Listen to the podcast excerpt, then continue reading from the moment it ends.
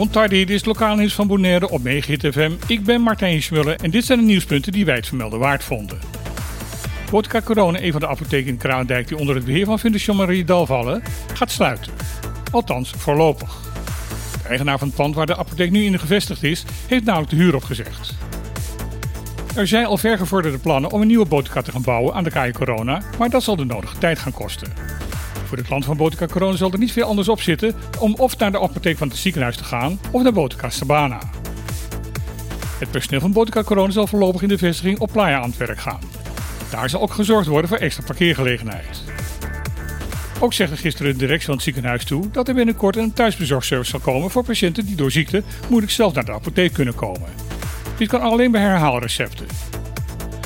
Wanneer een nieuwe apotheek klaar zal zijn en geopend kan worden, is niet door het ziekenhuis gemeld. Het aantal meldingen over ongebruikelijke financiële transacties is de afgelopen twee jaar in Cruise Nederland explosief gegroeid. Dat meldt de Financial Intelligence Unit Nederland. Er waren in 2020 minder dan 900 meldingen. Afgelopen jaar blijken advocaten, notarissen, accountants en banken 7456 keer aan de bel te hebben getrokken, omdat ze financiële handelingen aantroffen die ze ongebruikelijk en onverwacht vonden. Het merendeel van deze meldingen werden gedaan door de banken. Onder ongebruikelijke transacties worden financiële handelingen verstaan die buiten normale patronen vallen en die zouden kunnen wijzen op criminele activiteiten. In juli 2021 werd de wet ter voorkoming van witwassen en financiering van terrorisme best van kracht. De vier vermoedt dat de grote toename van het aantal meldingen mede komt, doordat er vanaf die datum een veel grotere verplichting is gekomen om ongebruikelijke en onverwachte transacties te melden. Van de bijna 7.500 meldingen die binnenkwamen, zijn na onderzoek van de VU 728 aangemerkt als werkelijk verdacht. Deze dossiers zijn overgedragen aan politie en justitie voor nader onderzoek.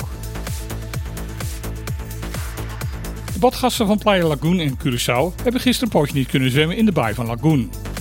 Dit kwam omdat twee hamerhaaien in de baai een territoriale ruzie aan het uitvechten waren. Dit wordt gemeld op de website van Curaçao.nu. Volgens duikschool-eigenaar Peter Koster, die kans zag om het schouwspel te filmen, was het een onvergetelijke gebeurtenis.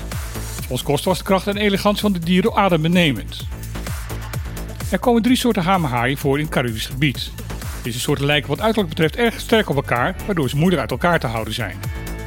De hamerhaai wordt gezien als een toproofdier, maar zijn voor zover bekend niet agressief tegenover mensen.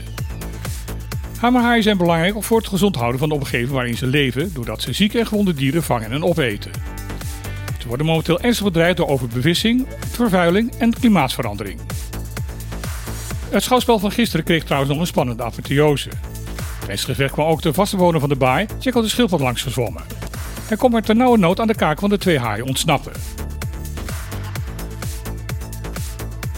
Sinds vorig jaar geldt in Den Haag dat bij het maken van nieuwe wetten voor Europees Nederland deze in principe ook geldig gemaakt moeten worden voor Caribisch Nederland. Hier mag een uitzondering op gemaakt worden als de bewindspersoon van het kabinet duidelijk kan maken waarom het dat niet verstandig is. Dit wordt het comply or explain principe genoemd. Klinkt mooi en heel verstandig, maar in praktijk blijkt het lastiger te zijn dan verwacht.